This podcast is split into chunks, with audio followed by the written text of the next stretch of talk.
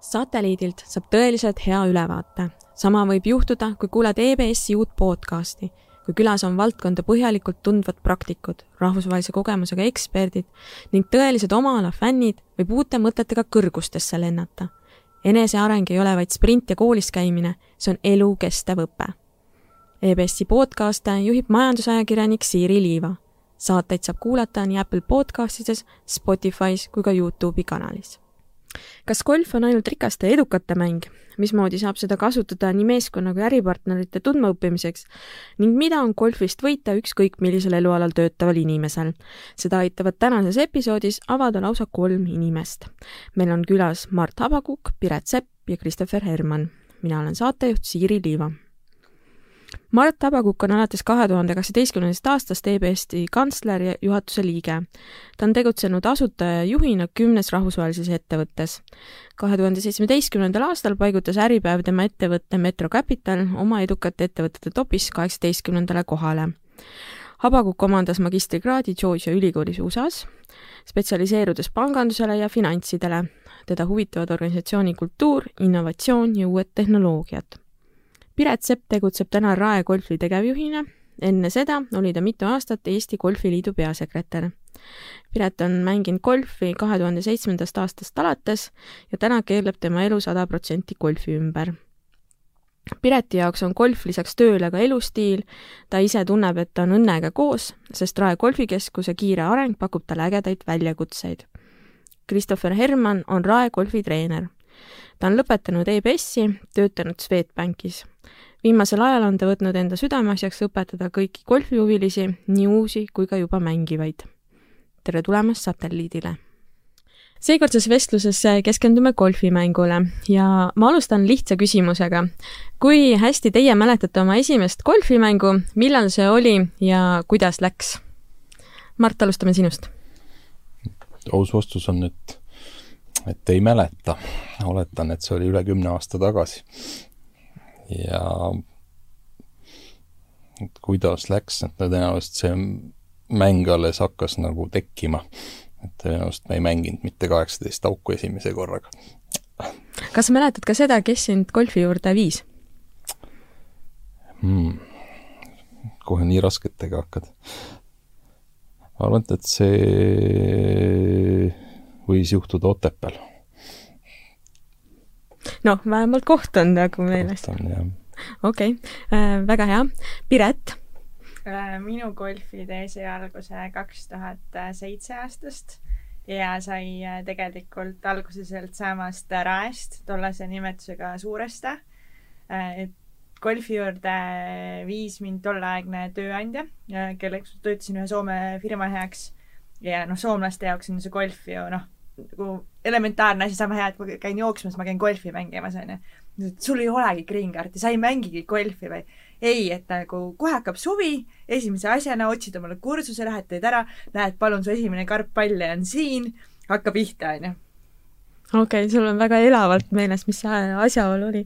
nii äh,, aga äh, jaa, sa ütlesid, et tööandja äh, suunas sind sinna. nii, ja Christopher mul oleks suht täbar, kui ma ei oskaks nagu öelda, et kuidas ma jõudsin siia golfi juurde. et äh, minul teekond hakkas umbes üksteist aastat tagasi äh, tänu pereliikme nii-öelda algatusele, ehk siis isa natuke nagu puksis, et ma golfiväljakule kaasa tuleks, mul oli ka päris tugevad eelaimdused, tundus suht niisugune mõttetu igav mäng, aga pärast niisugust äh, nagu esimest kogemust tegelikult sain aru, kui palju hasarti ja kui palju nagu kasvamisvõimalust see golf nagu annab ja päris niisuguse nagu tugeva eneseteostusvajaduse sain seal golfiväljakul nii-öelda siis läbi viia. ja koht samamoodi oli äh, tegelikkuses siis sama nagu Piretil oli äh, Suuresta golfiväljak, mäletan, et Rein Auväärt viis läbi, kes siis on nii-öelda meil siin golfimaastikul äh, kõige kauem tegutsenud treener. Ja pärast seda ikka on jäänud niisuguseks päris tugevaks pisikuseks, pisikuks mulle mm. -hmm. no Christopher, sa ütlesid, et äh, sel hetkel, kui sa esimest korda sinna läksid, et, et sul oli nagu üsna piiratud arusaam golfist. Äh, mina võin tunnistada, et minul on praegu väga piiratud arusaam golfist ja tõenäoliselt ka äh, väga eelarvamuslik, valdavalt seotud piltidega, mis ma olen meediast näinud. kõige värskem pilt, mis mu mälus hoopis on, on USA endine president Donald Trump, kes siis riigijuhtimisega seotud ülesannete asemel helistas golfi golfi minna mängima. aga äh, et nüüd sellise inimese äh, silmaringi laiendada, äh, siis ma palun teil selgitada, et ähm, miks üldse tasub golfiga algust teha? Piret, alustame sinust ma arvan seda, et golf kasvatab alustuseks sind inimesena sisemiselt. et seesama ambitsioonikus, mida Christopher välja tõi ja teistpidi ka selline tasakaalus olemine ja, ja see mõttelaad ja arusaamine, et nagu iseendast ja enda kehast ja oma nagu nägemusest sellest golfist on ju, et see kõik areneb. Äh, siis lisaks sellele tegelikult äh, ta on ikkagi, ma ütleks, Eesti golf on kogukond, on ju. et Eesti golf on nii väike, see on kogukond, see on nagu inimesed, kes äh, suuresti teavad üksteist, on võrgustik, mis on tohutu väärtusega tegelikult tänases maailmas, on ju Äh, need inim-, kui sa oled nagu ise aktiivne, siis sul on, sul on sealt võtta nii palju, on ju, äh, uute inimeste näol ja, ja teistpidi ka inimesed nagu nii-öelda võrgustikuna, et ega noh, kogu see asi konverteerub ikkagi äriks, on ju. et, et sealt on, on võtta nagu hästi mitmetasandiliselt äh, golfist, et ta ei ole lihtsalt äh, vaba aja veetmise vorm, on ju, ja ma arvan, et ta ei ole tegelikult täna juba väga-väga paljude golfarite jaoks enam lihtsalt vaba aja veetmise vorm. Mart, kas golf on äh, lihtne või keeruline mäng? et äh, täpselt nii raske, kui kõrgele omale lati sead. et, äh, et oled vähem ambitsioonikas, mäng on väga lihtne. aga ma lisaks võib-olla sellele eelmisele küsimusele, mul jäi tekitas see sellise assotsiatsiooni, et, et et mille, miks see golf nagu mulle tähtis on või et kunagi oli linnainimesel võimalus loodusesse minna niimoodi, mis tähendas üldreeglina, sa läksid nagu suvilasse muru niitma või, või muid peenratöid tegema ja siis saabus golf niimoodi kahe tuhandendate alguses. ja tekkis linnainimesel võimalus minna loodusesse, ilma et sa tunneks, et et sa peaks kogu aeg nagu midagi tegema seal, niimoodi põllutööd, ma mõtlen. ja, ja ma arvan, et see on see nagu peapõhjus, miks, äh, miks mina sinna, sinna sattusin. et mul niisuguseid ambitsioonikaid tippspordi eesmärke ei olnud sellega seoses. meeldiv aeg, veeta looduses aega, tehes midagi lihtsalt äh, niimoodi aktiivselt, füüsiliselt. midagi ees, eesmärgistatud? Äh, noh, kui eesmärk on jah, et veeta, veeta nagu hästi aega ja selgelt, et ilus koht, ilm, seltskond, kõik need on nagu komponendid ja nagu piisav põhjus, et äh, linnast välja minna ja noh, iga kord, eks golf võtab palju aega, aga noh, kui sa nagu tahad loodusse minna, siis see võtabki palju aega. see, mis sa seal teed, eks, et see, millise emotsiooni ta sulle annab, eks sa seda, seda teda väärtustad. Christopher, miks tasub golfiga tegeleda? Äh, ma arvan, et äh, iga inimene leiab äh, sealt golfimängust enda jaoks midagi niisugust isiklikku, et Piret tõi mingid põhjused välja, Mart tõi mingid põhjused välja, et see on iga inimese nagu enda teha, et mis ta sealt golfist nagu siis kaasa võtab. et kust ta selle niisuguse nagu terakese leiab, mida ta siis nii-öelda seda taga tahab ajada, olgu see siis kas kvaliteetne ajaveetmisviis või looduses olek või uute tutvuste saamine või kes tahab oma lapsepõlve unistusi nii-öelda sportliiklusvõtmes nii-öelda kuidagimoodi mujal hobil täide viia, et igaüks leiab sealt äh, midagi enda jaoks ja ma arvan, et see protsess, mis äh, seal selle mänguga kaasneb, on äh, väga õpetav mm. -hmm. no kas golf on individuaal- või meeskonnamäng? Christopher? ütleks ikka, et see on puhas individuaalne mäng, et äh, endagi seisukoha pealt pole kunagi väga niisugune äh, tiimimängude inimene olnud, siis mulle just see golf väga sobiski, sellepärast et see on puhas individuaalne sport. kõik, äh, mis ma nii-öelda seal saavutan, on minu iseenda teha, ma ei pea sõltuma sisuliselt äh, mitte kellestki teisest, et nii palju, kui ma panustan, nii palju ka ma saan tagasi. et see nii-öelda väärtust saamise ahel nagu väga paigas seal golfimängus mm. -hmm. Piret, kuidas sina arvad? Ma arvan seda, et, et sealt, noh, see, mis Christopher kirjeldas, see on nagu väga-väga õige ja, ja see, millest Martin rääkis, mis ongi puhas see ambitsioonikuse äh, teema, on ju. et äh, ja ma arvan seda, et see päevade ja, ja nagu aastate lõikes on inimesel hästi erinev, mida see golf talle pakub. et see ei ole nagu see, et ma lähen seda ühte kindlat asja sinna, sinna otsima, on ju, et, et sealt golfist on, on leida nagu äh, väga palju erinevat äh, läbi siis isikliku arengu, noh, nii nagu Christopher ütles, selle nii-öelda võib-olla mõned ambitsioonikused nagu spordi äh, mõttes on ju, kui ka teistpidi nende, nende inimeste näol, et noh, see golfikogukond ju kogu aeg ka täieneb, on ju mm. -hmm. aga kuidas sulle tundub, on golf individuaal- või meeskonnamäng mm.? noh, natukene, kindlasti on ta individuaalne, ta kvalifitseeritakse individuaalspordiks igatepidi, on ju teistpidi on see, et äh, sa käid ikkagi kuni kolmekaaslasega seda mängimas, on ju. et, äh, et siis sa nagu pead nendega ka arvestama, et see ei ole see, et ma nüüd panen eesjooksu või jätan nad sinna maha, et, et ta on nagu nii ja naa, et, et individuaalne, aga samas seltskondlik siis mm. -hmm. no Mart, sina ütlesid, et sina käid äh, värske õhu pärast, et ei peaks kuskil muru niitma. kas sa käid üksinda või käid koos seltskonnaga? ikka üritan seltskonnaga alati seda teha ja, ja kas individuaalne või, või niisugune meeskonnamäng, et ma ütlen, et mäng on sellest noh, päevast või protsessist üks osa, eks see, kuidas sa komplekteerid oma seltskonna ja siis mis seal pärast seda mängu toimub, et see on nagu üks su golfikogemus, nii et ta on, et see on, vahepeal on jah, niisugune individuaalne vorm, aga, aga nagu päev või see emotsioon tervikuna on ikkagi selline meeskonna emotsioon ja, ja kogemus mm. -hmm no selle meeskonna kogemuse juurde me tuleme pärast tagasi, aga kuna siin äh, oli juttu sellest, et millal äh, golf Eestisse tuli ja, ja kui äh, suur või väike see golfikogukond Eestis on, et äh, Piret, ma küsin sinult, et kui populaarne golf Eestis on, kui palju inimesi seda mängib kui pikk selle ajalugu on ja no kui võrrelda meid soomlastega, siis kus me oleme? Kui võrrelda meid soomlastega, siis me oleme siuksed väga-väga pisikesed ja alles sellistes äh, lapsekingades onju. et äh, tegelikult nagu golf Eestis on väga vanast, et äh, esimese Eesti aja ajal oli esimene golfiväljak Kilingi-Nõmmel, kui ma õieti mäletan, millest on mingisugused pildid, mis tulid välja siis, kui ma golfiliidus olin. et, et siis oli seal mingi õlitöösturitel mingi oma väljak onju aga, aga see, see praegune golf on ikkagi äh, noor, on ju.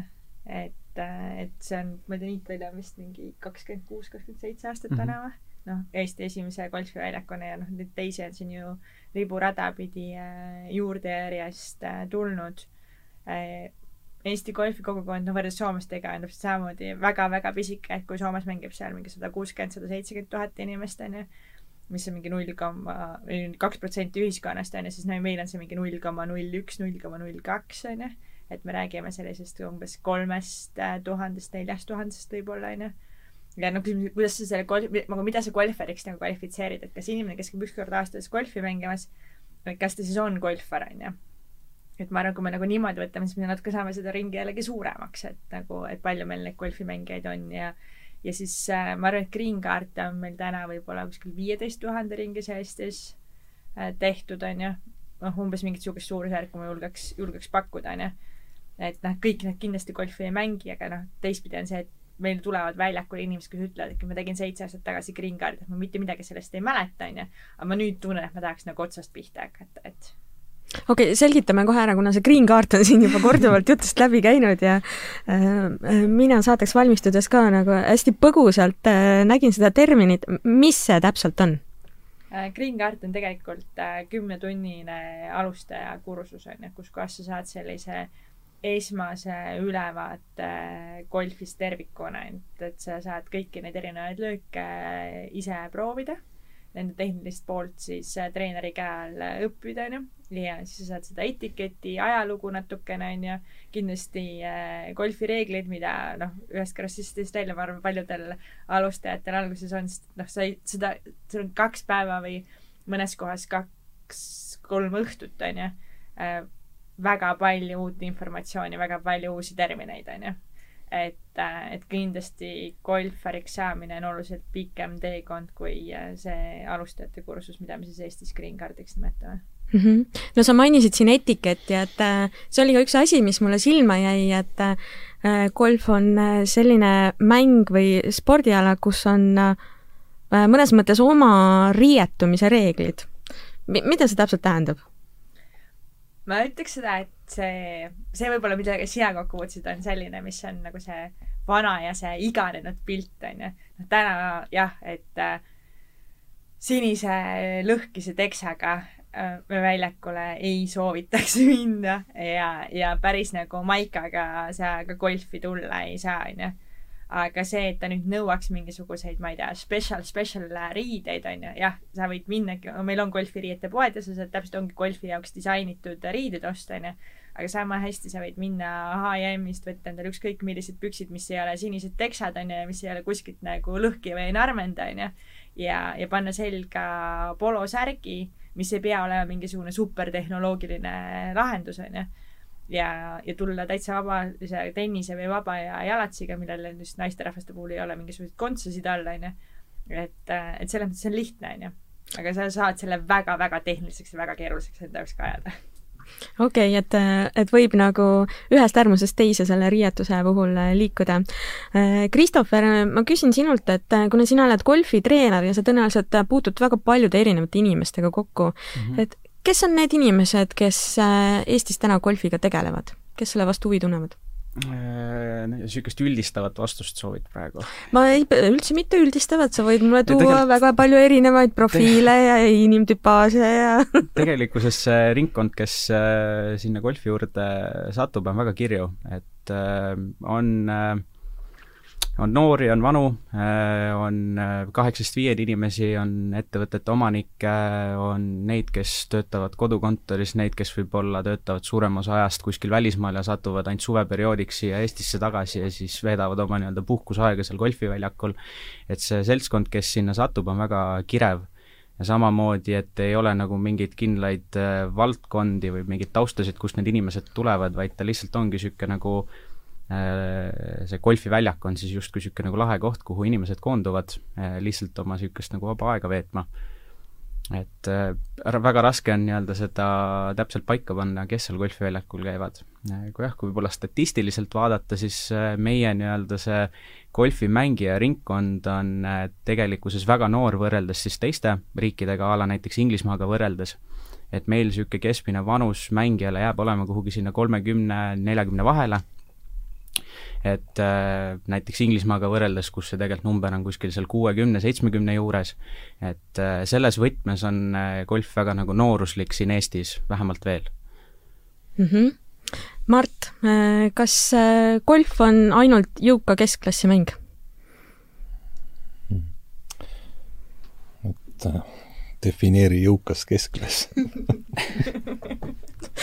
no see on natuke sihuke tunnetuse küsimus ka, aga no eks ma mängin siin nende eelarvamustega, mis võib-olla ühiskonna tasandil võivad olla, et et noh, juba Christopher muidugi purustas seda eelarvamust, et seal on palju noori inimesi ja väga erinevas äh, vanuses, aga ma küsin sinu käest, kuidas sulle tundub mängijana? noh, jälle ilmselt nagu Piret tuli välja, et kui sa ei ürita nagu äh, soetada endale kõige peenemat varustust, riietust, äh, sul on võimalik oma aega nii planeerida, et sa ei ürita mängida nendel kõige kallimatel aegadel ja siis ma ei oska öelda, Piret ilmselt oskab täpsustada, ma arvan, et ilmselt see aastaeelarve võib vabalt jääda seal tuhande-kahe tuhande euro vahele, pluss bensiin või, või veel allapoole või? ma arvan, et isegi veel allapoole, noh, ma olen äh, kohanud inimesi, kes ütleb, et ma olen laotööline, onju noh, me teame kõik enam-vähem, palju laotöölised nagu teenivad või et äh, üht, üks naisterahvas ütles, et äh, ta käib väga tihti mängimas, ta on bussijuht. ta on graafiku alusel tööl, tal on võimalik tänu sellele golfi mängida, onju. et tegelikult see golf, esiteks see kallis on nagu müüt, onju, igaüks saab leida, nii nagu Mart ütles, noh, et endale selle sobiva aja, ajapaketi ja, ja väljaku, onju. et et, et see on nagu prioritiseerimise küsimus ja see on seegi, et kas sa oled selles asjas leidnud selle enda kire, onju. et, et kui sul on see kirg olemas ja, ja see armastus äh, golfi vastu, on ju, siis, äh, siis tegelikult see on nagu see, et, äh, et tegelikult igaüks meist võiks, võiks golfi mängida, küsimus on see, et kuhu me selle golfi oma elus paigutame. jaa, Christopher, sa tahad lisada? Jaa, ma arvan, et tegelikkuses see nagu rahaline kulu on oluliselt väiksemaks läinud nende viimaste aastatega. pigem nagu see suurem kulu, mis golfiga kaasneb, on see ajaline kulu. et sul peab olema seda vaba aega, aga samas, kui sa suudad selle nii-öelda vaba aja endal tekitada ja kaasata ka veel võib-olla mõned lähedased või sõbrad, või leida siis sealt golfiväljakult endale uued sõbrad, siis, siis see nii-öelda ajakulu äh, tunne kaob ka ära, sest et sa justkui ei lähe aega kulutama, vaid sa lähed midagi lahedat tegema. Kas ma mäletan õigesti, et üks mäng kestab kuskil neli-viis tundi? umbes midagi sellist küll jah, et ta võtab enam-vähem, kaheksateist raja läbimine võtab enam-vähem niisugune neli tundi ja natukene peale aega mm. -hmm. aga noh, sinna tuleb ka ette arvestada seda, et see sõit sinna, enne soojaks löömine, pärast tahaks võib-olla restoranis paar ampsu teha, et see neli tundi ei ole siis kogu see komplekt mm. -hmm. no see, sellele juhtis ka Mart äh, alguses äh, tähelepanu ja Mardilt ma küsikski järgmise küsimuse, et äh, sina ütlesid, et sina käid äh, tihti seltskonnaga mängimas äh, või siis peaaegu alati. Ähm, kui, ähm, kui palju oled sina äh, kasutanud golfi näiteks oma meeskonna tundmaõppimiseks?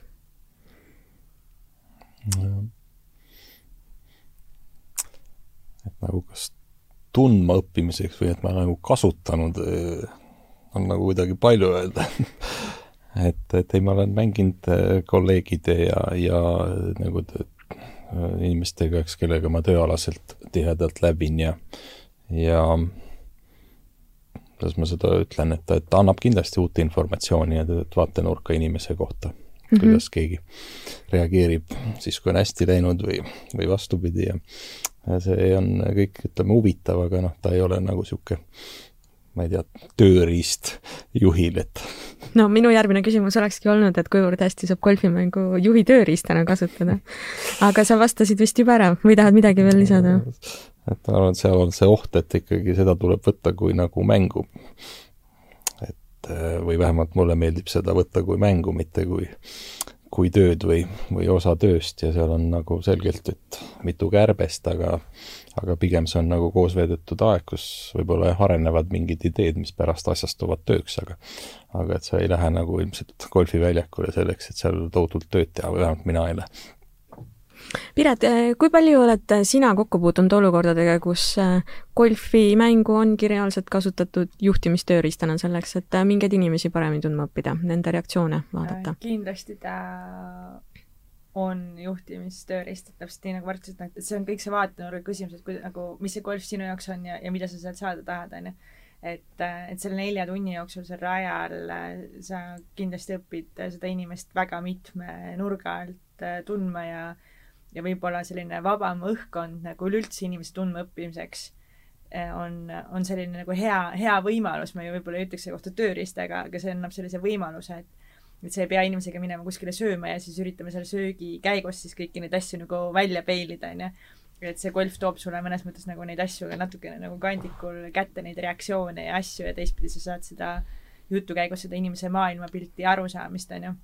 et palju nagu juhid oma alluvuses olevate inimestega nagu sihukest teevad, noh seda ma nii nagu detailselt ei tea, küll ma tean seda, et nagu koostööpartnerid kasutavad väga seda, seda versiooni äh, golfis, et, et nende koostööpartnerit tundma õppida ja mingeid asju võib-olla vabamas õhus äh, põrgatada, kui, kui reaalselt nagu koosoleku laua taga, on ju mm. -hmm. ühesõnaga, et äh, õpitakse siis oma äripartnereid yeah, paremini yeah, tundma yeah.. Mhm. okei. Christopher, kui palju sinu juures äh, käib inimesi individuaalselt, kui palju käib äh, grupi kaupa äh,? Hetkesel ajal ei toimu midagi aga äh, selline see olukord on, tõsi et suvisel ajal ma ütleks, et see, see joon tuleb kuskil keskel maha, et uh, umbes pooled käivad nii-öelda individuaalselt ja pooled käivad siis nii-öelda nendes grupitrennides või mis iganes nii-öelda programmides, üritustes, mis meil on. et selline see maht kipub olema. oled sa mingeid äh, huvitavaid niisuguseid grupiolukordi ka näinud siis, kui on rohkem kui üks inimene? Jaa, eks ikka, et äh, tihtipeale need äh, grupitrennid kipuvad olema natuke nagu niisugused äh, meeleolukamad. Äh,, seal on seda sotsiaalset aspekti tibakene rohkem, sest et sa ikkagi veedad äh, mitte ainult treeneriga kahekesi aega, vaid seal on ka teisi äh, kirevaid inimesi. Ja äh, ma ütlekski, et niisugused nagu eredamad hetked, mis meelde on jäänud, on tihtipeale niisuguste äh, ettevõtete äh, tiimi ehitamis nagu ürituste tagajärjel, et ongi tehtud mingi team building üritus, mille käigus tutvustatakse golfi ja samaaegselt siis kogu see tiim saab omavahel siis natuke vabamas õhus, õhkkonnas nii-öelda suhelda. et seal tihtipeale kooruvad nagu kõige nagu lõbusamad õhtud välja mm. -hmm. on keegi kaklema ka läinud omavahel? Õnneks pole veel ühtegi kaklust golfiväljakul näinud. ma ei tea, kas see nüüd on asi, mida ma ootaks, aga võib-olla oleks päris huvitav vaadata seal klubihoone ees mm. -hmm. ei no ma mõtlesin, et noh, et kui sügavale siis inimese isiksusse see golfimäng äh, jõuda võib. Äh, kas siis selleni välja või, või, äh, või siis on, või siis on lihtsalt vedanud siis nende seltskondadega? võib-olla on lihtsalt vedanud, aga ma arvan, et see golf tegelikult pigem kui ta nagu niisuguste emotsioonide kallale läheb, siis need emotsioonid tulevad sisemast, et ainuke, kellele sa seal nii-öelda justkui äh, näpuga näidata saad, on iseenda pihta, et äh, sisuliselt pead sinna peegli ette seisma minema, et kui seal mingisuguseid äh, olukordi juhtub, sa ainuke, kelle peale vihastada saad, oled äh, iseenda peale. et neid olukordi on küll päris palju nähtud, kuidas inimene nii-öelda ennast hakkab vähekene piitsutama seal golfiväljakul aga nii-öelda teiste, teiste kallale ei minda kunagi. mismoodi see enesepiitsutamine välja näeb siis? eks ikka siis, kui sooritus ei tule nii hästi välja, kui tahaks ja siis võib-olla kipuvad emotsionaalsemad sõnad välja tulema või äh, mõnikord kipuvad ka esemed lendama, aga noh, eks see käib igasuguse nagu õppeprotsessi juurde, et äh, esialgu ajab närvi, mingist hetkest saad aru, et tegelikkuses nende emotsioonide toitmine ei too nagu midagi kaasa. ja ega ta õpetab päris palju ka niisugust nagu enesekontrolli et äh, ütleks, et inimesele endale sa saad päris hästi teada, kus sul see nagu lävend on, kuhu maani sa nii-öelda kannatad neid eksimusi ja sa õpid tegelikkuses iseennast väga hästi tundma, et kus sul see piir jookseb, et palju sa nagu justkui võid seal väljakul iseendale haiget teha, eh, kuniks sul lõpuks saab nagu äh, kõrini mm. -hmm no Mart, sina ütlesid, et sa oled kolleegidega ka käinud golfi mängimas, aga kes need siis on tavaliselt, kellega sa sinna väljakule lähed? sõbrad või äripartnerid? ma olen niisugune passiivne, et ma lähen üldreeglina siis, kui kutsutakse et sa ise ei initsieeri siis neid golfimänge? ise ma initsieerin võib-olla jah, mingi kümme, kümme protsenti, aga ma mängin, ma arvan, aastas niisugune kümme, kakskümmend ringi ja, ja ja on just nende nagu ürituste poole peal, et on nagu ettevõtted korraldavad üritusi ja need on sellised noh, kus on niisugune korraga hulgem tuttavaid ja, ja muidu on enamasti jah, niisugune sõber kutsub ja ajad sobivad, et siis on minek. okei okay,, et siis sa käid äh, koostöö- või äripartneritega ja, ja sõpradega valdavalt? jah mm -hmm. äh,. okei. Ehm, Äh, üks asi, mis ma tahtsin veel küsida, Christopher, sina oled äh, EBS-i vilistlane muuhulgas mm. -hmm. kuidas see EBS-is omandatud haridus äh, sulle igapäevaselt praeguse elukutse juures kasuks tuleb? Tegelikkuses tuleb päris palju kasuks, et see treeneriks olemine, vähemalt golfitreeneriks olemine on natuke teistsugune võrreldes kõikide muu treenerite ametitega, näiteks a la jalgpalli või korvpalli et äh, sisuliselt äh, see minu töö on justkui niisugune nagu era, eraettevõtjaks olemine, et äh, see nii-öelda bränd ja see imidž, mis ma iseendast loon kui treenerina, on minu endale kanda ja ega tegelikkuses kõik need õpitud elemendid, mis ma EBS-ist sain, on siiani nagu väga palju kasuks tulnud, et ta on aidanud mulle luua üpriski niisuguse nagu laia pildi ja arusaama sellest, et kuidas justkui üks niisugune edukas äri püsti panna kuidas endale kliente tekitada ja kuidas neid nii-öelda hoida, pluss siis kõik igasugused need operatiivsed ülesanded, mis siis igapäevatoimetuste juures kaasas käib. et äh, ütleks natuke küll, et see golfitreeneriks olemine natuke nagu ühe mehe bänd on, aga õnneks on alati nagu väljaku tugi olemas, kes äh, omakorda nii-öelda tõukab natukene tagant ja aitab ka veel mingite asjadega kaasa, et siis äh, päris nii-öelda üksinda ei pea kõike tegema mm. -hmm. kas su sulle on see golfitreeneriks olemine siis äh, nagu elustiili äri? Äh, kindlasti, ma üleüldiselt arvaks, et see golfi pool ongi väga palju elustiiliga kokku käiv asi. et äh, sinna, sinna mängu juurde tihtipeale jäävad graviteeruma inimesed, kellele see kuidagi saab väga südamelähedaseks ja eh, nii palju, kui nad ka ei taha, siis päris palju nende tulevasi kas või reisiotsuseid või eh, mis iganes muid plaane hakkavad kuidagimoodi graviteeruma selle golfimängu ümber ja eh, see kuidagi kipub olema selle mänguga nii-öelda kaasas käiv asi no golfitreenerina sa pead, äh, eriti inimeste puhul, kes on esimest korda platsile tulnud, sa pead neid ka motiveerima. Mida sa teed äh, selleks, et äh, inimesed tahaks seda mängu mängida ja läheks ka lõpuks hea tundega ära ja tuleks ka teinekord tagasi? eks ta natukene nagu katsumus mõnikord ole, mis mis äh, tihtipeale alguses on, et kuna inimesed tulevad tihtipeale sinna väikese eelaimdusega, siis peab mingisuguse nagu prääniku neile ette panema, et justkui niisuguse välise motivaatori neile looma. mis see Aga tavaliselt on? see võib nagunii, need samad asjad, mis me nii-öelda selle äh, podcast'i alguses siin ära mainisime, et mis see nagu võib olla, et ma justkui loon neile väikse kuvandi, et mis see golfimäng nende jaoks võib olla ja eks nad sealt siis pärast peavad ise valima midagi, mis neid nii-öelda siis kõnetab aga jah mm. -hmm. No Piret, ma saan aru, et äh, ühe golfikeskuse juhtimises tuleb äh, tegeleda väga paljude sarnaste valdkondadega nagu ükskõik millise teise ettevõtte juhtimisel. et äh, räägime näiteks Rae golfi näitel sellest lähemalt. et, ähm, et kuidas teil näeb välja arendus- ja ehitusprotsesside ning näiteks tootedisaini juhtimine? no me oleme nüüd ehitanud kaks tuhat seitseteist äh, lõpust, et noh, et see on tegelikult äh, ühelt poolt äh, challenge sellest, et noh, et kogu selle visiooni siis loomine on ju, et kuhu me siis jõuda tahame ja ja kuna noh, meil enda tiimis ei ole ei, ei nii-öelda ehitajaid ega arhitekte, et noh, kogu selle meeskonna siis kokku komplekteerimine nendega koostöö tegemine on ju, ja, ja selles mõttes on see kõik niisugune rahvusvaheline töö, sest et Eestis sellise spetsiali-, kvaliteediga inimesi ei ole, ei ole meil golfiväljaku arhitekte, ei ole meil äh, golfiväljaku ehitajaid, on ju. Noh, siis on kogu see eelarvestamise ja, ja see pool minu jaoks nagu väga huvitav, sest et nagu nii-öelda pinnase töö ehitusega mina varasemalt enne golfikeskuse juhtimist äh, kokku puutunud ei, ei ole, et, et seal on nagu hästi palju sellist nagu huvitavat, huvitavaid aspekte ja, ja hästi palju õppimist, on ju et noh, me oleme nüüd kolm aastat ehitanud ja ma nagu siiamaani õpin kogu aeg. ja siiamaani ehitad? ja siiamaani ehitan ma lihtsalt vaheküsimusena küsin, et äh, kui palju golfikeskusi praegusel hetkel Eestis on?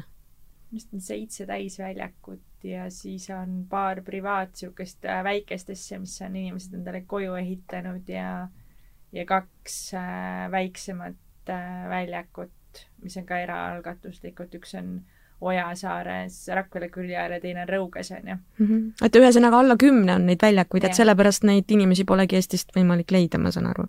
jaa, ja noh, mhm. neid ei ehitata nagu igapäevaselt, et äh, praegu minu teada on noh, Niitvälja vist teeb mingisuguseid ehitustöid natukene ja, ja viimati ehitati Pärnu Peit Pärnu külje all, on ju ja sellest on ka mitu aastat juba möödas, et, et neid ei tule nagu seeni peale vihma ja ei, ei kerki nii kiiresti kui igasuguseid äh, muid ehituslikke asju Eestis, on ju. Mhm.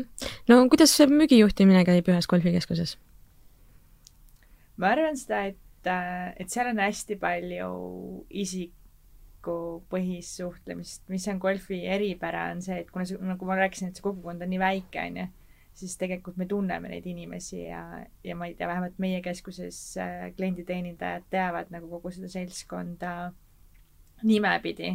jah, igale nagu, kui on meil noh, meeskonnas tavaliselt iga aasta on paar uut äh, kädimasterit, siis äh, kes letis seda golfarit tervitavad, et et neil on esimesel kuul selline natukene challenge'id nende inimeste tundmaõppimise näol aga, aga üldiselt me tunneme oma inimesi ja, et noh, tänu sellele on selle müügi tegemine ka Äh, lihtsam ja sa juba tead ka seda, et noh, et kes, mis, noh, sa õpid seda klienti nii palju tundma, et sa tead ta tarbimisharjumusi, sa tead, äh, millal ta midagi tahab, kas, kuidas tal läheb, kas ta tahab nüüd äh, sõpru juurde tuua või, või pigem tal nagu mõistlik talle pakkuda hoopis seda mingit ettevõttepõhist laiendamist või, või kutsuda talle, pakkuda talle välja, et ta saab kutsuda oma koostööpartnereid siis äh, Äh, väljakule või, või teistpidi on just see meie golfari sihtgrupp on see, mida, mida tema tegelikult oma ettevõtte äris igapäevaselt vajab, on ju.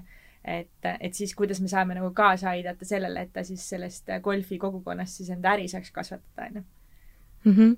no me oleme palju siin äh, rääkinud äh, meeskonnaga või sõpruskonnaga või äripartneritega koos käimisest ja, ja kogu sellest dünaamikast. aga noh, ma saan aru, et äh, ka sinul seal golfikeskuses, sul on oma meeskond juhtida. et mis on sinu jaoks olnud peamised äh, väljakutsed inimeste juhtimisel? ma arvan seda, et nagu, kuna meil see seltskond on nii-öelda see tuumikgrupp on väike, on ju, kes me oleme siis aastaringselt.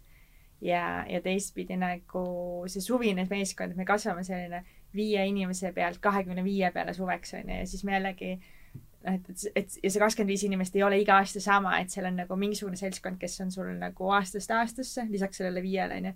ja siis on mingisugune seltskond, kes on iga aasta uus, on ju et, et siis on nagu seda, et kuidas sa kõik selle nagu kokku õlitad nii-öelda, et see ühe, ühe niisuguse tervikuna äh, toimima hakkaks, et me teeme seda tavaliselt kevadeti läbi koolitusnädalate, et äh, need uued inimesed siis saaksid ka sellest golfist aru ja tihtilugu nad tulevad väljastpoolt golfi meie juurde. et äh, et seda, seda kõike seal nagu on ja, ja kindlasti on seal, noh, meil on väga erinevad vanused, et me kõige vanem töötaja on, ma arvan, kolm korda nii vana, kui on kõige noorem töötaja, onju.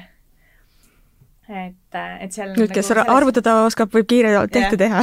Et, et selles mõttes seal on nagu see, see seltskond on kirju ja, aga seal on nagu üks äh, äge asi on see, et neil on nagu kõigil väga selge siht äh, silme ees, nad teavad, äh, mida, mida nad teevad ja miks nad teevad ja, ja see golf ja kogu see nagu olemine seal, et see mõnes mõttes on ka neile nagu elustiiliks, sest me tegelikult ju kogu see seltskond elab golfiväljakul äh, aprillist umbes kuni oktoobrini. pool aastat siis et, sisuliselt, jah? Äh, et siis, siis ei ole vahet, et kas sul on esmaspäeva õhtul kell seitse, äh, pühapäeval kell kolm või ma ei tea, neljapäeval kell kaheksa hommikul, on ju. no sinu jutust jäi mulje, et väljakutsed ei olegi. no need väiksed väljakutsed ikka aeg-ajalt on, onju. et, et see on normaalne ja, ja neid väljakutseid on, ma arvan, tavapäraselt võib-olla rohkem oli eelmine kevad sellesama Covidi olukorraga Eestis, onju. ja, ja siis on sul väljakutseid võib-olla teinekord mingisuguste isiksuste põhiseid äh, asju, onju. aga, aga kuidagi jah, meil see nagu kõik nagu sujub seal hästi dünaamiliselt mm. -hmm Äh, no Mart, ma saan aru, et siin äh, maikuust äh, hakkab EBS just koos Rae golfiga golfikursust läbi viima. miks te otsustasite sellise kursuse inimestele välja pakkuda? et äh, kuidagi on sattunud niimoodi, et, et EBS-i vilistlasi on golfi, Eesti golfimaailmas, et igal pool, eks siis ma sa ei saagi ühelgi golfiväljakule minna, ilma et sa kellegagi kokku ei jookseks. mulle nagu meeldib ma nii mõelda ja ma olen väga seda usku, et, et et eh, noh, näiteks nagu ülikoolid ei ole konkurendid, vaid on, eh, kes suudab paremini teha, see nagu väärtustab kogu seda tegevust ja golfid väga sarnane peaks olema, et on nagu erinevad Eesti väike golfikogukond, kui keegi suudab midagi paremini teha teistest, siis see teeb kogu sellele tegevusele head ja siis me, EBS on oma, kindlasti on veel, aga ütleme, et Otepääd juhatab vilistlane Jõelähtmel. Hanno töötab, et saaks vilistada on lõpusirgel. raekolfis on noor värske põlvkond, on, kõik pusivad ja kõigil on pea täis erinevaid ideid ja mõtteid ja EBS on nagu siin see nagu põrkelaud, et see mõte tule, tuleb, et õigemini ju raekolf tuli kõigepealt ja siis me põrgatasime ja me jõudsime raekolfiga selle kursuse mõtteni. siis tead, Jõelähme tuli, põrgatasime, tegime seal ja Lehtmel Otepääl näiteks, kui te lähete harjutusväljakule, siis pallid on nii-öelda EBS-i poolt okei okay,, aga mismoodi see kursus täpselt välja hakkab nägema?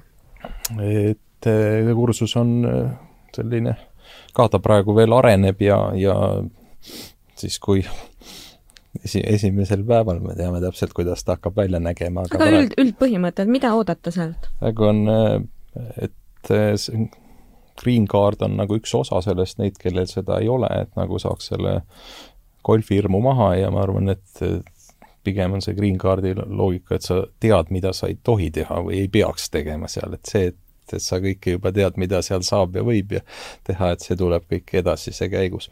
ja meie nagu see rõhuasetus või visioon on selles, et see on nii-öelda nagu golf for business, et kuidas sa niimoodi äh, ettevõtlusega seda seod, jah, mis siis on selle oma ringkonna laiendamine ja, ja kindlasti selle hirmu mahasaamine, et, et eestlane sageli kipub nagu jah, kapseldama ja palju on, ma arvan, ka ettevõtjate seas neid, kes nagu käivad üksi mängimas. et äh, kuidagi julgustada seda protsessi, et et äh, võtke sealt nagu sellest golfist saab väga palju rohkem, kui, kui lihtsalt käia ja lugeda, mitme löögiga auku said ja, ja et äh, mida, kui sa ei tunne seda, siis sa võib-olla kardad või ei oska seda kasutada ja selle kursuse eesmärk on siis saada golfiga ja, ja golfiringkonnas tut-, tegutsevate inimestega rohkem tut-, tuttavaks et seal tekiks uusi värskeid ideid, mis siis nii-öelda väljakuid kui, kui, kui siis mängijaid. natuke siis aidata niisugusele golfi populariseerimisele Eestis kaasa? Et ta on nagu golf ja, ja ta niisuguse tervisliku elustiili, see on nagu igas asjas on, ta on rohkem kui üks asi. ja äri ja äri jaoks sama oluline on puhkus, eks, et sa suudad kvaliteetselt puhata, siis see on ärile väga, väga oluline mm. -hmm. no me oleme siin paljudest asjadest rääkinud, aga noh, nagu ma aru saan, siis see on golfi seisukohalt ikkagi niisugune äh, jäämäe tipp, et äh, ma saan aru, et golfimängus on ka erinevad tasemed ja tasandid, mis siis aitavad äh, golfimängijal seda mängu paremini või sügavuti selgeks õppida ja, ja ka sellest nagu võrgustikust kasu saada, kes sellega kaasa tuleb, et Piret, räägime natuke viisidest, kuidas oleks võimalik võtta golfist maksimumi see ongi päris nagu kui hakata sellest nagu alustajast ja sellest algajast peale, ongi see, et noh, kui me räägime sellest Green Cardi kursusest, tegelikult tuled sa sinna kursusele mitte üksi, onju. ja isegi kui sa tuled üksi, siis me anname sulle selle, vähemalt üheksa uut tuttavat äh, nii-öelda kaasa selleks kaheks päevaks, onju. teinekord isegi kuni, kuni viisteist äh, inimest on seal nagu lisaks äh, sinule, onju. et, äh, et see on nagu see, see, see nii-öelda tahtmine peab tulema sellest inimesest enda seest ja, ja see nii-öelda äh, suhtumine ellu, et ma otsin neid võimalusi ja, ja ma olen avatud nagu uutele inimestele ja uutele asjadele, mis mu elus juhtuda saavad, onju. et see kaks päeva sa veedad nende inimestega koos, põhimõtteliselt sa jõuad, ma arvan, pooled maailma asjad nendega selle golfi kõrvalt ka läbi arutada, sest noh, ikka on sul väike paus, siis on sul lõuna, siis, äh, siis väsivad käed ära, võib-olla väsib vahepeal selg ära, sõltuvalt nagu sportlikust äh, taustast, onju. no siis sa niisama vaatad seda, kuidas nagu teisel inimesel su kõrvale läheb ja noh, ikka natuke kommenteerid ja, ja tekib mingisugune suhtlus, onju.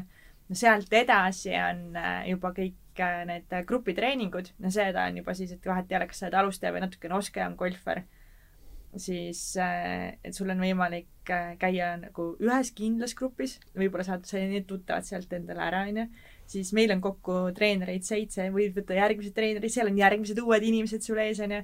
mina olen saanud kunagi Jõelähtmelt nagu väga ägeda kogemuse ja väga ägeda seltskonna endale, kellega nii-öelda täiesti sinasõbrad, kui mingisugune teema on, siis äh, telefon pihku ja tere, olen Piret Raest, et mäletad, me mängisime kunagi, käisime trennis äh, Jõelähtmel koos, onju. ja see inimene tunneb su kohe ära, onju, et, et noh, et see on nagu selles mõttes vahva ja kui sa oled nagu selle osa võib-olla siis läbi teinud, onju, siis järgmine asi on võistlused. et on sinu koduklubi võistlused, seal me paneme sind alati kolme, lisaks sulle veel kolm kaaslast sulle, kellega sa saad siis neli, neli pool tundi äh, väljakul veeta ja, ja nendega teada, noh, et kas teil on võib-olla äris, ühiseid ärilisi huvisid, on teil mingisuguseid juhtimise teemad, võib-olla kui sa oled noorem, siis äh, sa saad endale võib-olla ärilise mentori, võib-olla sa saad, saad hoopis sealt mingisuguse tuleviku tööpakkumise endale, onju. et sa õpid seda nii-öelda enda koduklubi ja seda oma, oma nii-öelda seda esmast golfi võib-olla kogukonda siis tundma, onju ja, ja kui sul siis kõik see on nii-öelda selge ja, ja need inimesed on nagu oma, omad inimesed juba tänaseks, onju, siis meil on ju veel kuus suurt äh, väljakut Eestis, kus kohas äh, sul on võimalik äh, iga kell minna ja võtta nagu, minna mängida niisama ja minna võtta seal võistlustest osa, onju. ja kui sa igapäevaselt ka mängima tuled, et noh, nii nagu Mart ütles, et nagu ma ei käi seda üksi tegemas, onju et äh, golfi saab mängida kuni neljakesi koos, et, äh, et sul on alati võimalik ükskõik millisele seltskonnale, kui seal on nagu vab-, sellest, seda nelja kohta siis nagu ei ole täis veel, onju, sa saad ennast sinna juurde panna. et äh, golfis on see normaalne, et mitte, et nagu ma ei tunne kedagi, ma panen ennast nüüd üksinda kirja, et noh, kui ma ei tunne kedagi, siis ma just vaatan, kus kohas on see vaba koht ja ma lähen ja saan siis tuttavaks nende inimestega. et, äh, et see on nagu hästi-hästi äh, nagu mitmetasandiline, on ju, ja kui võistlustest ka, et et noh, need on alustajate võistlused, on juba niisugused nagu nii-öelda kommerts või sellised nagu kõigile mõeldud võistlused ja siis meil on juba Eesti meistrivõistlused, mis on nagu tiitlivõistlused, on ju, kus kohta saavad siis nii-öelda juba paremad mängijad peale, et noh, niimoodi sa õpid nagu sealtkaudu ka üle Eesti siis neid golfareid tundma, on ju mm. -hmm. no Christopher, kui ma õigesti mäletan, siis vestluse alguses sa ütlesid, et et, et noh, sulle äh, äh pakub äh, golf ambitsiooni äh, ma eeldan, et sa oled ka võistlustel osalenud siis? natukene on tulnud seda ette, jaa, no mis, mis tasandile sina oled välja jõudnud? kas sinna meistrivõistlusteni välja? Eesti tasandil natukene mõõtu võtsin, aga väga palju sellest kaugemale ei pürginud. kuidagimoodi kipub nii olema, et need, kes ei saa nii-öelda ise siis sportlaseks olemisega hakkama, kipuvad treeneriks minema. et sama, sama teekond on mulle ka nagu ette sattunud, aga ega ta ma jõudsin natuke nagu üpriski hilja siia selle mängu juurde, et ma alustasin golfimängu neljateistaastaselt, et äh, see on selleks, hilja? see on üpriski hilja nii-öelda golfi jaoks juba, sest et kõik teised sõbrad või kellega ma koos nii-öelda trenni tegin, olid äh, seda golfikeppi käes hoidnud juba seitsmendast eluaastast, et siis nendel oli sisuliselt juba kaks korda rohkem äh, mängukogemust, kui minul üldse alguses olla sai aga natukene sai siis nii-öelda ikkagi neid võistlusi ka mängitud ja eks ma ütleks, nendel võistlustel käimine ja see nii-öelda võitmine jutumärkides ei olnudki nagu see ülim eesmärk, vaid pigem oli see nagu eneseareng. et näha, et äh, a la, et ma valmistungi ühel aastal mingi kindlaks võistluseks ja nüüd vaatan, kui hea tulemuse ma suudan see aasta teha. et kas ma tegin mingisuguse edasimineku see aasta või ei teinud. ja kui ei teinud, siis mille taha see jäi, et kuidas ma saan jälle nagu veel rohkem teha, kuidas ma saan veel parem olla et ma arvan, et see oli see, mis mind nagu motiveeris, et äh, ma pigem ei äh, pannudki seda suurt prioriteetmi just või-, võitmisele, vaid pigem lihtsalt enesearengule okei okay,, et sa nagu võtsid selle põhimõtte, et äh, ainuke, kellega sa võistled, oled sa ise. ja, ja siis nagu iseenda tulemuste parandamisele. okei okay,, aga ma siiski, ma tahan ikkagi teada ka,, kaugele sa seal Eesti meistrivõistlustel jõudsid?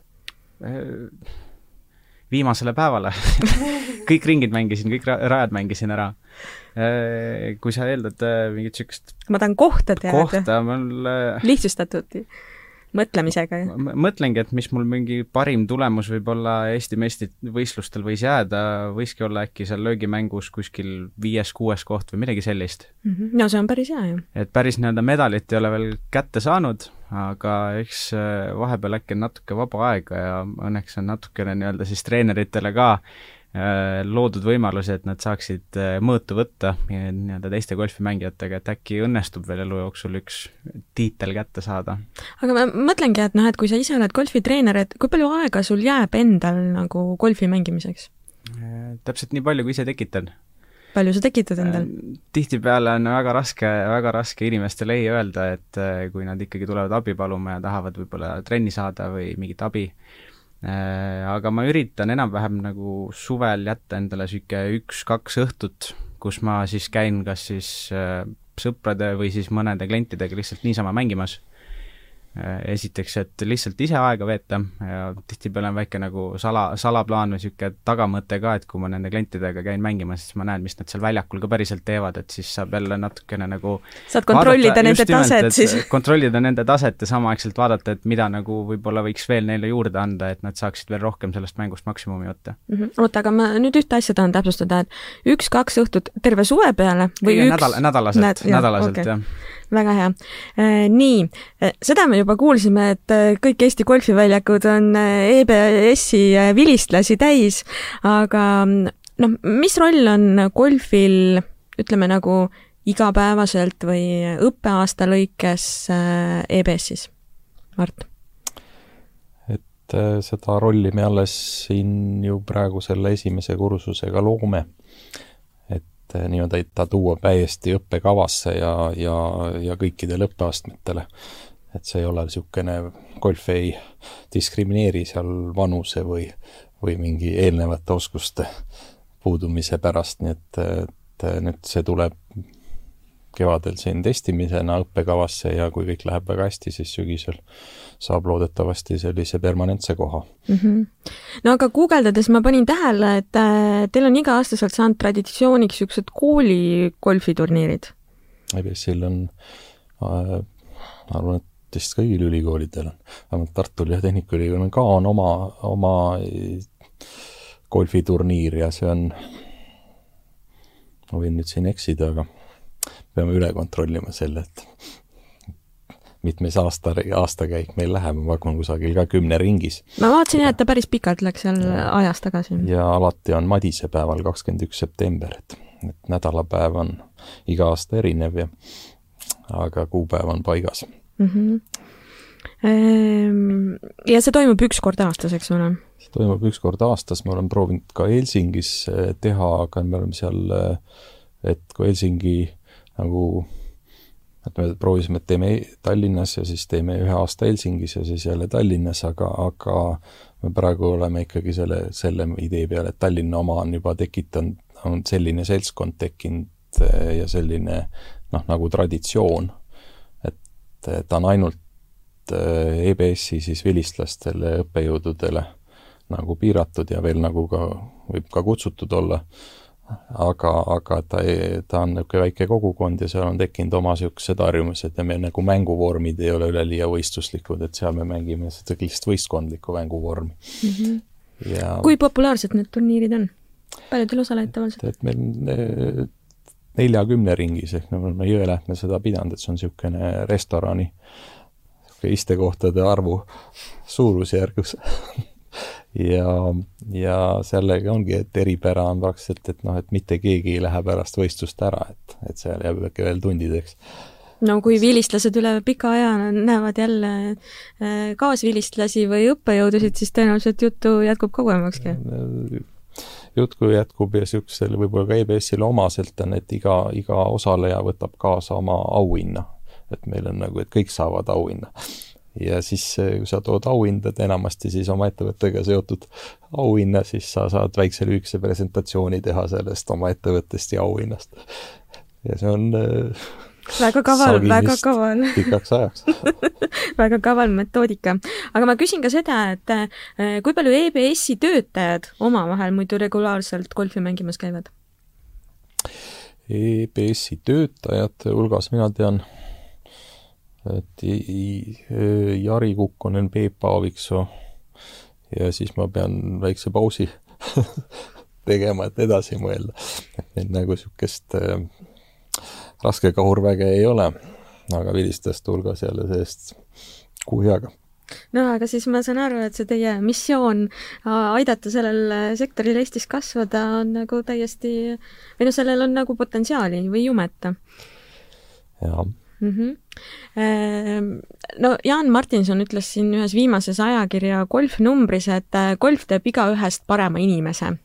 Äh, kui nõus te sellega olete, Piret? ma arvan seda, et kõige lihtsam on seda näha laste pealt. ja, ja näha seda nii-öelda, noh, sa näed ära tegelikult see golfarist laps on ju, noh, kes nii-öelda on kasvanud siis suht sünnist saadik golfiväljakul ja, ja siis see nagu sama eakaaslane võib-olla, kes ei ole golfi või tennisega üldse kunagi kokku puutunud, siis seda nagu käitumismustrit ja seda nagu äh, sa saad elementaarset viisakust, sellist nagu noh, need lapsed on, nad on, nad oskavad olla ja rahulikud, et noh, golfiväljakul on hästi näha, et kas see laps on nii-öelda golfiväljakul külaline täna siin kellegagi kaasas ja võib-olla lihtsalt restoranis vanematega söönud on, või et ta on golfari, golfarist siis laps, on ju. ma saan aru, et äh, golfis on see reegel, et kui sa väljakul teist mängijat äh, kohtad, siis sa ütled tere talle yeah ja, ja kui sa ikkagi majja sisse tuled, siis sa võtad äh, mütsi peast ära, et et selles mõttes, et kui sa oled juba golfiväljakul, siis sa tegelikult nii-öelda oledki oma, onju, ja, ja siis on noh, või täitsa võõras inimene ka tulla küsida su käest, et noh, kuidas su mäng läks, onju. või et mis kell su tiiaeg on või et, et selles mõttes see, see suhtlemine tuleb seal hästi, hästi vabalt ja, ja hästi naturaalselt, onju. ja, ja siis, kui see mittegolfar võib-olla ja siis see uus golfar, kes ei ole seda golfikultuuri endasse võib-olla sellisel koguses saanud, onju, et see tegelikult tunneta nagu ära, onju aga nõustud sa siis äh, selle väitega, et äh, golf teeb igaühest parema inimese? Kindlasti teeb parema inimese ja, ja ma arvan, et see sisemine kasvamine, millest siin Christopher ka ennem rääkis, et mm -hmm. nagu juba see on see, mis teeb sinust nagu parema inimese mm. -hmm. okei okay., Christopher, oled sa nõus Jaan Martinsoniga või vaidleks vastu?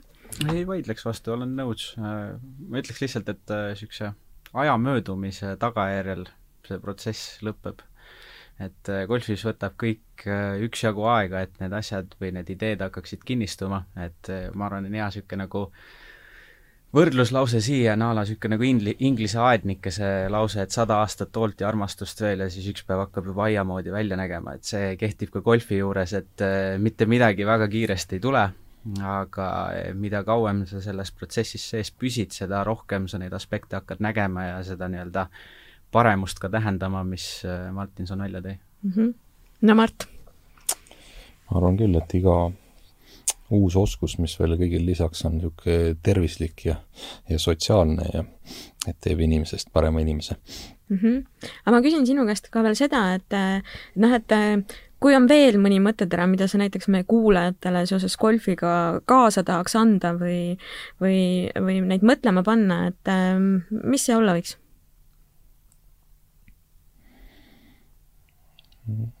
Lisaks sellele, et golf teeb sinust parema inimese? et äh, ma arvan, et niisugune golfiga võiks ka mängida oma seda mugavustsoonist välja tulemise mängu, et siin on mitu korda käinud läbi, et mhm. Eesti inimesel ei ole omane, et kui seal on kolm nime, kes lähevad rajale ja sa ei tunne neid, et siis see ei ole esimene reaktsioon, et ma lähen küsin, et kas ma tohin teiega liituda. et äh, kui me siin oma kursuse lõpuks saaksime, et äh, lõpetajatel on see esimene reaktsioon, et kui neil on kas või terve väljak on tühi, aga seal on näiteks kaks mängijat ennast kirja pannud, et sa ei lähe otsi seda tühja aega, vaid sa lähed, äh, võtad nendega ühendust ja küsid, et et, et kas neile mahub veel mm. -hmm. see on hea soovitus äh, mugavustsoonist välja tulla. Christopher, mida sina soovitaksid? mõni niisugune mõttetera lugejatele seoses golfiga? Äh, soovitakski neil anda võimalust sellele mängule, et äh, sa ise ka siin nii-öelda selle jutuajamise alguses ütlesid, et äh, esialgu on ju päris tugevad nii-öelda eelaimdused selle mängu osas. et ega enne sa teada ei saagi, kui sa reaalselt selle ära proovid ja siis saadki teada, et kas mäng meeldib või ei meeldi mm. -hmm. Piret ma natuke täiendaks seda, et nagu see lihtsalt ühekordne proovimine, et tegu on ikkagi äärmiselt tehnilise spordialaga. et, et võib-olla sellest ühekordsest proovimisest võib jääda mulje, et, et sa ei saa hakkama, et tegelikult ei ole inimest, kes ei saaks golfiga hakkama, et et kui sul on, isegi kui sul pole kahte kätt ja kahte jalga, et on ka invagolf olemas, on ju, et tõesti on nagu päriselt kõigile ja, ja üks väheseid spordialasid, mida saavad väga noh, esiteks mehed-naised koos harrastada, on ju, ja teistpidi äh, erinevad äh, generatsioonid äh, samaaegselt ja olla hästi võrdväärsed kogu selles mängus, on ju mhm. no ma saan aru jah, et ta on niisugune hästi kaasav mäng. nii sellega on golfijutud räägitud, aga podcast pole veel päris läbi, äh, sest äh, ma olen teid hoiatanud ka, et meil on niisugune traditsiooniline lõpuosa, äh, kus me küsime kõikidelt külalistelt iga kord samu küsimusi ja teie ei pääse nendest küsimustest. esimene küsimus on see, mis on see üks juhtimisraamat, mida soovitaksid lugeda kõikidel, keda paeluvad juhtimisküsimused ja väljakutsed Christopher, alustame sinust seekord. et kuna ma ikkagi treener olen, siis ma nii-öelda treeneri võtmes selle valiku tegin. et äh, raamat, mida ma soovitaks lugeda, oleks äh, Golfis nii-öelda Game of Perfect, kaks Bobi on kirjutanud, doktor Bob Rotella ja Bob Cullen, et nad siis lahkavad äh, väga palju äh, neid küsimusi, et äh, kuidas siis treener saabki motiveerida oma treenitavat a la olukordade puhul, kus äh, tulemus ei ole täpselt selline, nagu treenitav ootab, et äh, ta kogeb näiteks mingit pidevat ebaõnnestumist, aga kuidas see nii-öelda motivatsioon säiliks selleks, et ta prooviks uuesti ja uuesti ja ei annaks alla. ja samamoodi seal raamatus ka äh, käsitletakse seda elementi, et mis siis saab, kui sa oled nii-öelda oma esimese eesmärgi saavutanud. et sportlase võtmes võib see olla a la nagu mingi MM-i või olümpiakullavõit aga mis siis edasi, et äh, tihtipeale kipuvad need järgmised nagu võidud olema vähem tähtsamad või vähem väärtuslikumad, siis äh, selles raamatus väga palju räägitakse sellest lahti, et kuidas neid uusi võite ka teha siis sama magusaks kui seda esimest mm. -hmm. no ma saan aru, et sellest spordiolukorrast saab seda täiesti mingi meeskondade ja organisatsioonide konteksti Kindlasti. üle kanda mm. -hmm. Mart, üks juhtimisraamat, mida soovitaksid kõigile? ma jäin selle küsimuse peale nagu niimoodi mõtlema, et ma soovitaks, see raamat, mis ma valisin, on Howard Marksi Most Important Things Illuminated. et ta ei ole küll juhtimisraamat pigem, et ta on investeerimisraamat, aga juhi niimoodi otsused on praktiliselt kõik on investeerimisotsused, ka investeerid oma aega, sa investeerid äh, mitte ainult seadmetesse, tead, sa investeerid mittemateriaalsest varadesse, kuidas sa seda kõike ehitad ja kuidas see mõtteprotsess selle juures käib, kui sa investeerimist nagu otsust teed. et äh, seal on palju-palju häid mõtteid mm. -hmm. no investeerimisraamat on äh, väga hea soovitus. seda polegi meil veel siin podcast idest olnud. ilukirjandust on näiteks soovitatud mm. -hmm. nii, Piret, mis raamatut sina soovitaksid? soovitaksin äh, Experience Economy ja, ja põhjus väga lihtne, et noh, kui me golfist räägime, siis me räägime hästi palju kogemusest, on ju.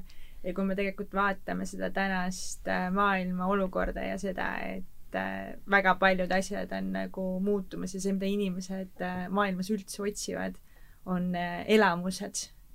ja, ja kuidas, tegelikult on see võib-olla nagu nurk, mida iga ettevõte ja võib-olla iga ettevõtja ise ja ka ettevõtte töötaja, on ju, võiks äh, võiks vaadata oma valdkonnas nagu ringi, et mis nagu, mis ma saan teha täna rohkem, paremini, need võivad olla tohutult väiksed nüansid, mis vajavad muutust ja mis tegelikult äh, loovad hoopis uue kogemuse sulle mm. -hmm. nii, teine küsimus, mis on see üks soovitus, mida sa alati juhtimise kohta annaksid? Mart, alustame sinust. et mina annaksin, et äh, katsu alati endale tööle saada endast targemaid ja kui sa tööle ei saa, siis vähemalt eh, koostööd teha endast parematega. see on hea soovitus, ka teised on selles eh, podcasti sarjas seda soovitanud. nii ähm,, Christopher? kuna minu nagu igapäevaülesanded seonduvad siis selle motiveerimispoolega, et siis äh, mina pigem, ma, ma soovitaks siis proovida juhtidel leida niisuguseid positiivseid külgi igast olukorrast, mis tekib et äh, päris palju ju kogeme igasuguseid tagasilööke, aga nende tagasilöökide juures on ka väga häid nii-öelda õpetuskohti ja siis nii-öelda positiivseid neid hõbe, hõbeneid ääri võtta, mida siis saab järgmiste asjade juures ära kasutada mm. -hmm. väga hea, Piret? Äh, kuula äh, mõttest enda jaoks lahti ja tagasisidesta.